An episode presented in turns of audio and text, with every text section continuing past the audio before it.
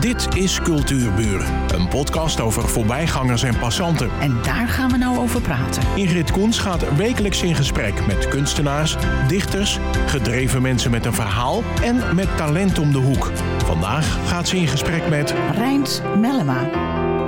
Hij is geboren in Winschoten, studeerde weg- en waterbouwkunde in Groningen en stedenbouwkundige techniek in Alkmaar. Zijn creatieve ontwikkeling is hoofdzakelijk autodidactisch. Zijn thema is zeer divers: schilderijen, aquarellen en acryl, pentekeningen, foto's, logo's en illustraties. Een vak- en publieksjury koos uit twaalf inzendingen zijn schilderij van koning Willem-Alexander uit tot het winnende statieportret. En onlangs publi- publiceerde hij het naslagwerk De Waard verklaard. Je werkte 40 jaar als stedenbouwkundig beleidsmedewerker bij de gemeente Herugewaard. Voormalig burgemeester Hunter Heegde noemt je in zijn voorwoord het stedenbouwkundige geweten van Herugewaard. Dat is een groot compliment, hè? Ja, zo heb ik dat ook opgevat, ja. maar Dat wat is- bedoelde hij er nou mee? Nou ja, omdat ik toch iemand ben die eh, vanaf het moment dat hij bij de gemeente Heerhugowaard kwam werken, betrokken is geweest bij eh, ruimtelijke ontwikkeling. Ehm, en dan heb je een geschiedenis. Dan ben je als het ware een soort van vraagbaak geworden voor alles en iedereen. Oh ja, ja. En eh, nou ja, dat kan je, als je dat zou willen, ook wel vertalen in een soort van geweten, weten, hè? Geweten. Ja, ja. Dus in, in die zin. een hele leuke uitdrukking. Ja, Ja, ja, ja. Ehm, maar hoe begin je nou? Want het is een naslagwerk. Hoe begin je nou zo'n boek? dat is eh, een goede vraag. Eh, en dat ligt mede in de aard van mijn karakter. Eh, ik gooi niks weg.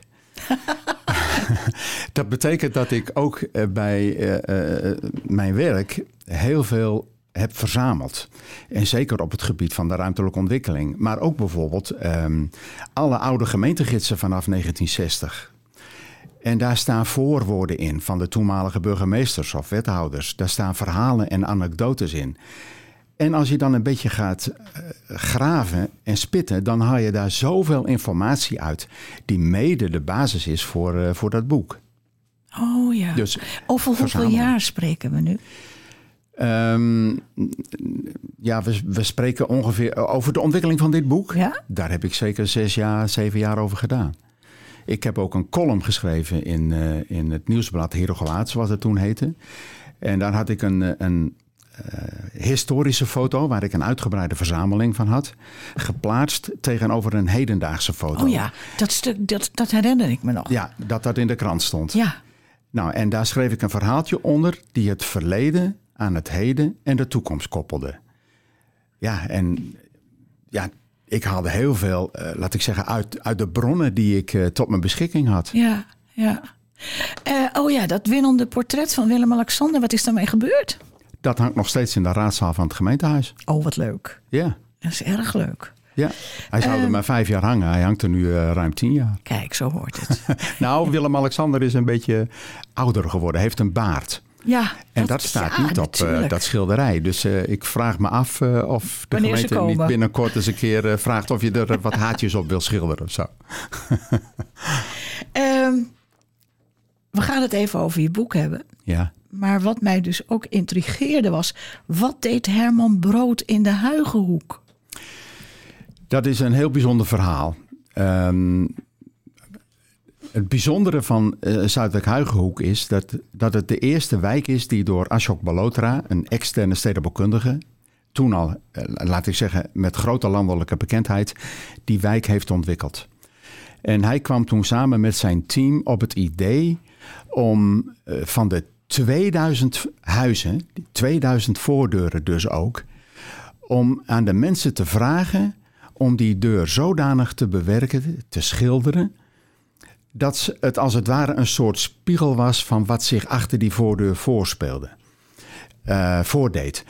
Bijvoorbeeld, als je een enthousiaste eh, ja, visliefhebber bent en je hebt aquaria in huis, nou, dan teken je gewoon een soort van eh, aquarium op je voordeur. Wat een leuk idee. Ja.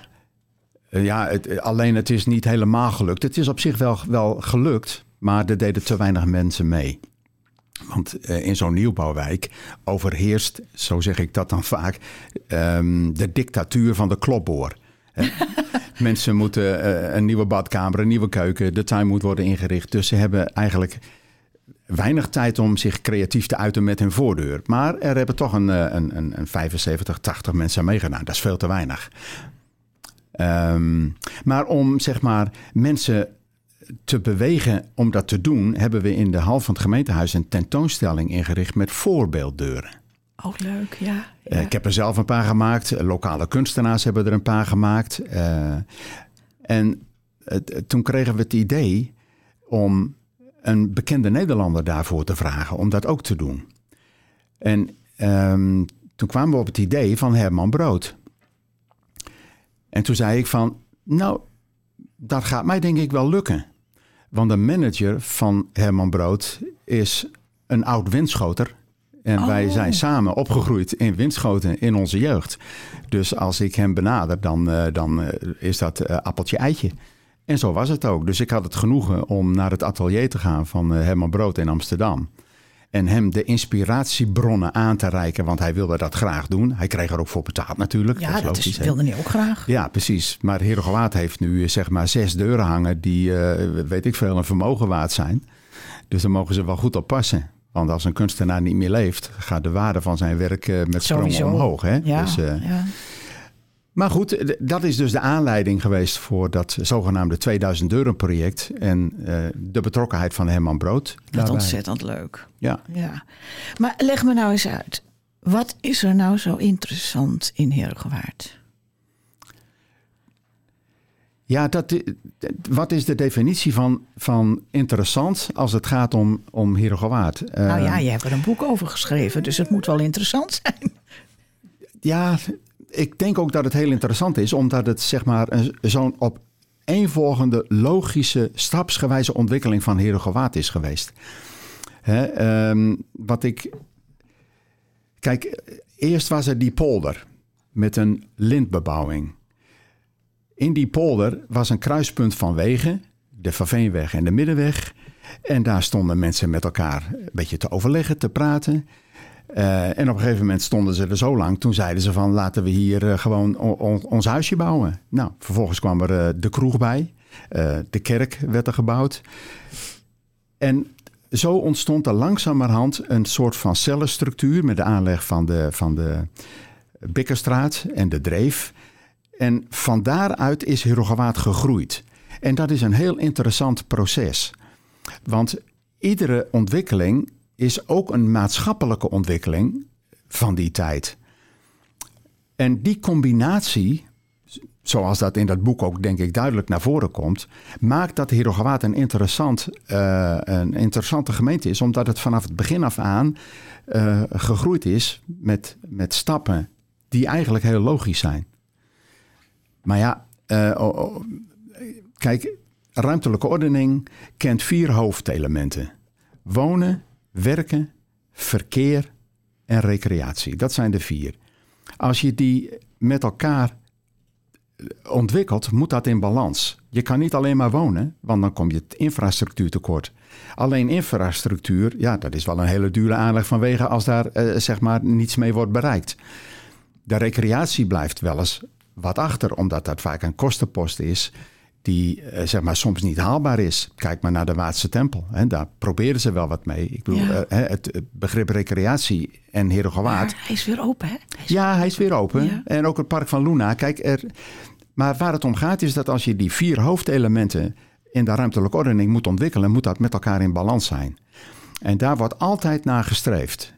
En uh, dat maakt als het ware, als je vanuit een helikopter op Herogewaard kijkt, het tot een hele interessante gemeente. En ik heb geprobeerd om dat in dat boek ook een beetje duidelijk te maken. Maar zo te horen, heb je er ook allerlei uh, anekdotes in verwerkt. Absoluut. Ja, zeker. het is geen saaie, saai stedenbouwkundige uh, verklaring van Herogewaard. Nee. Er zitten allerlei prachtige verhalen in natuurlijk. Zeker, ja.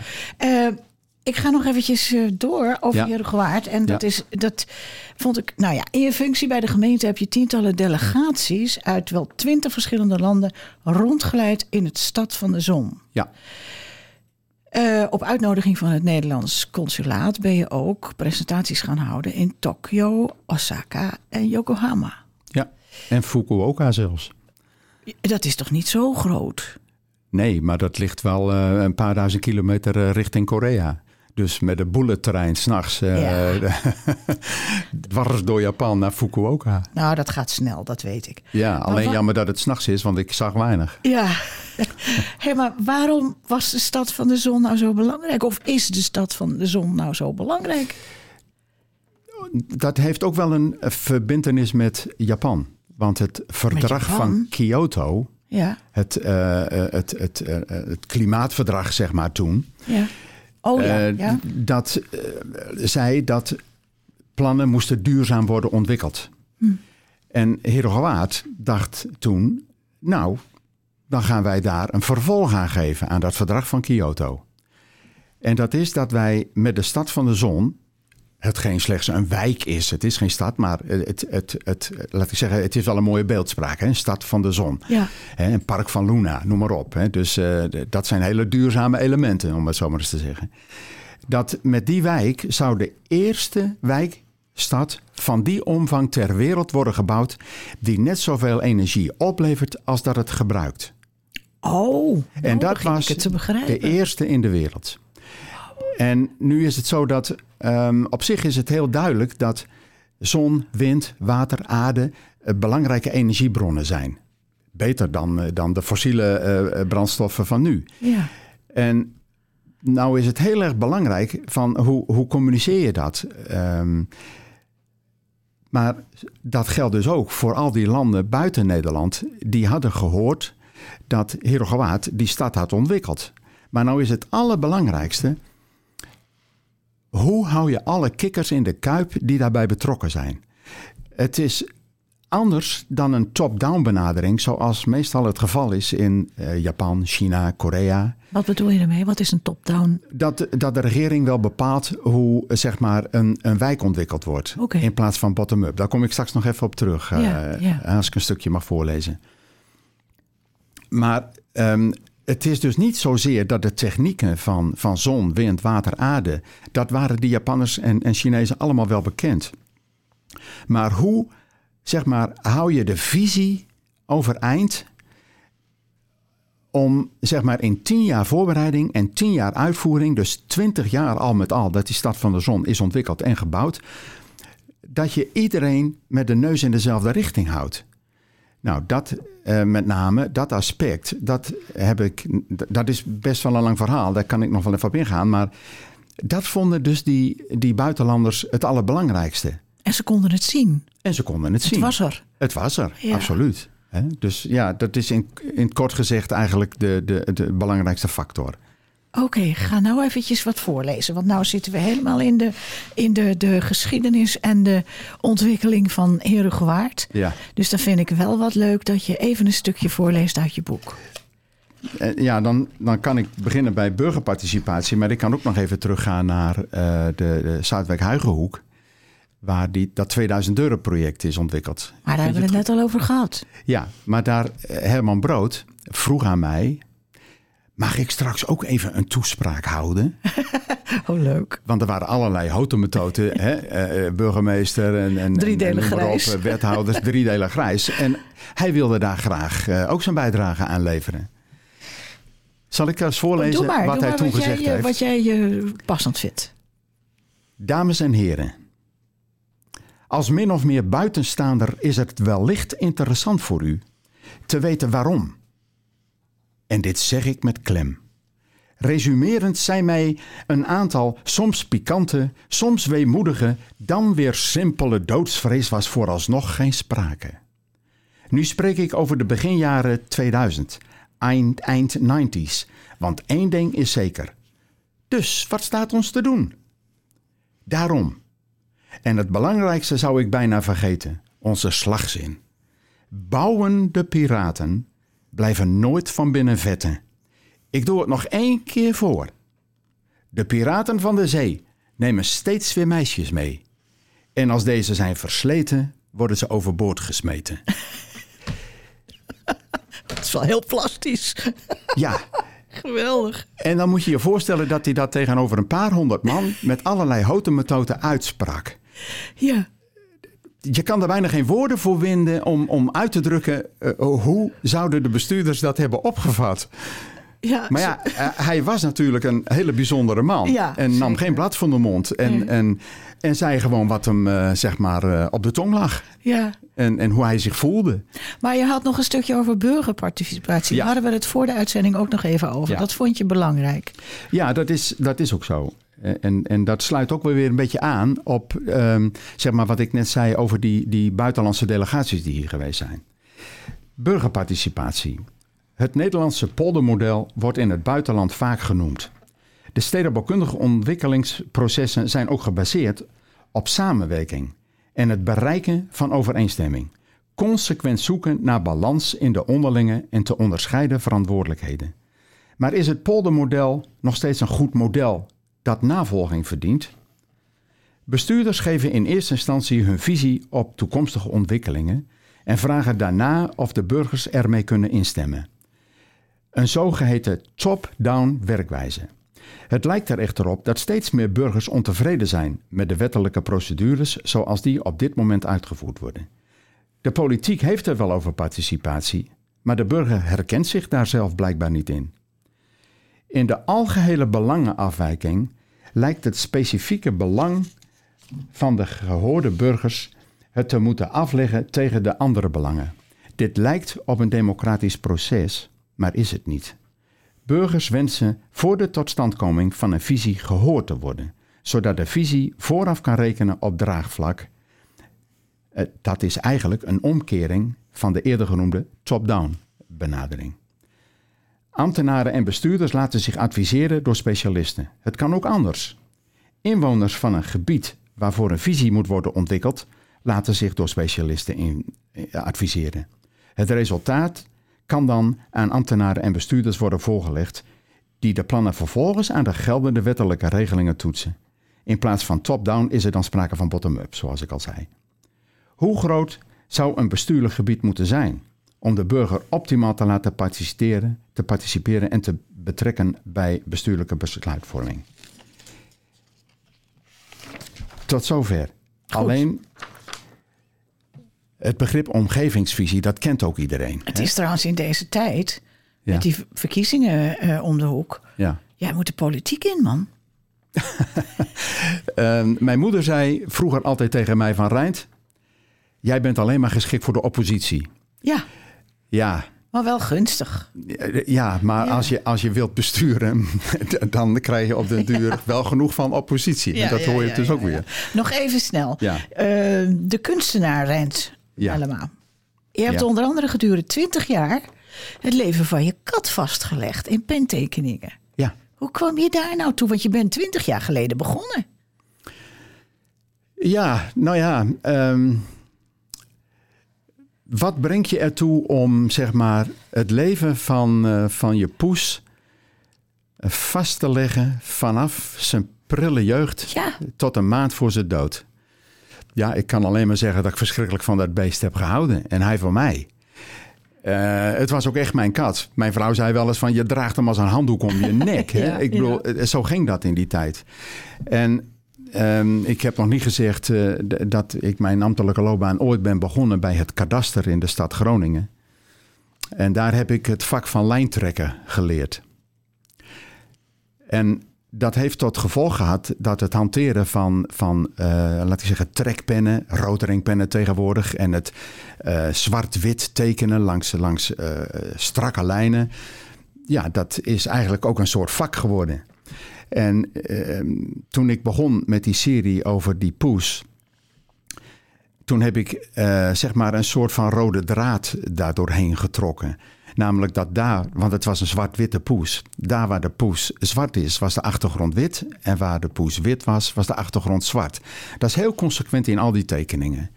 En nou ja, dat heeft tot gevolg gehad dat het een hele mooie 23 uh, tekeningen heeft uh, opgeleverd. Ja, ze zijn werkelijk bijzonder. Ja. Ik ga nu je uh, website, want daar, kun, daar staan ze op www.rijnt met een t mellema aan elkaar vast.nl. We hebben nog één ding vergeten te vermelden. En dat is de opbrengst van je boek. De ja. Waard Verklaard. Ja. Vertel. Um, ik heb dit boek kunnen schrijven omdat ik veel kennis heb kunnen opdoen toen ik in dienst was van de gemeente Herengewaard. Daar ben ik voor betaald. En toen dacht ik van, maar dan moet ik op een of andere manier misschien ook de, de, de, de samenleving daar iets van teruggeven. Um, mijn vrouw en ik hebben helaas geen kinderen. En ik heb een groot hart voor kinderen. En wat ik heel erg vind is dat in deze tijd van groeiende armoede, van polarisatie, dat kinderen in armoedegezinnen niet de kans krijgen om hun talent überhaupt eerst te ontdekken en dan vervolgens niet eens de gelegenheid krijgen, want als ze het niet ontdekken, kunnen ze het ook niet ontwikkelen. En toen heb ik gedacht om dat geld beschikbaar te stellen aan, laat ik zeggen, gezinnen die zich aanmelden. Daar is natuurlijk een, een, een procedure voor om zeg maar door middel van subsidie hun kind naar een sportschool of een, of een, of een sport, eh, of een, ja, hoe noem je dat, een, een culturele instelling, eh, toneelschool, eh, noem maar Muziekschool. op. Muziekschool. precies. Om, om die de kans te geven dat toch te doen. En, ja, welke, ik, welke instelling is dat? Dat heet de Stichting Jeugdzorg, Sport en Cultuur. Oké. Okay. En daar gaat dat geld naartoe. Maar is dan dat wel voldoende bekend bij mensen? Dat die mogelijkheid er is? Nou, daar ontbreekt het vaak aan. Er blijft vaak heel veel subsidie liggen, om het zo ja. te zeggen, omdat de mensen niet de kennis hebben van dat het er is. Wat zou jij mensen aanraden? Um, nou, de komende tijd ook even de krant weer in de gaten te houden. Want 14 november uh, overhandig ik het eerste bedrag aan die stichting. En daar wordt ook weer publiciteit aangegeven. Dus dan hoop ik dat mensen dat ook uh, weer lezen. Uh, en mogelijk hun ja, want vaak is er ook wel een beetje schaamtegevoel. Dan, Ja. dan ga je niet over die drempel heen Nee, om je te melden voor, eh, voor die subsidie. Dus eh, er ligt ook wel werk voor de Stichting Jeugdzorg, eh, die, die dat hele proces begeleidt. Om daar ook wat meer op een subtiele manier rugbaarheid aan te geven. Daar ga ik ook zeker met ze over praten. En is dat een stichting die in Herengewaard zit? Het is een landelijke stichting. Ja, want zo ken ik hem dan. Ja, maar ik heb eh, specifiek gevraagd of de, de, de afdeling Noord-Holland dit geld beschikbaar, beschikbaar wil stellen voor die gezinnen die daarvoor in aanmerking komen in Dijk en Waard. Nou, dat vind ik een prachtige instelling. Ja, Ja. ik, eh, ik ook. Daarom heb ik er eh, ook voor gekozen. Nou, kijk u ook nog even op de, op de website www.rijntmellema.nl. Want er zijn de nodige schilderijen en pentekeningen van jou ook te koop. Sommigen wel, ja. Ja, Ja, en ja. ik vond het ontzettend leuk dat je er was. Ik ga je boek zeker kopen en dan vraag ik of je hem nog even wil signeren. Nou, ben ik graag toe bereid. Dankjewel. Dankjewel. Dit was Cultuurbuur. Een podcast van Ingrid Koens en Streekstad Centraal. Bedankt voor de aandacht en tot de volgende Cultuurbuur.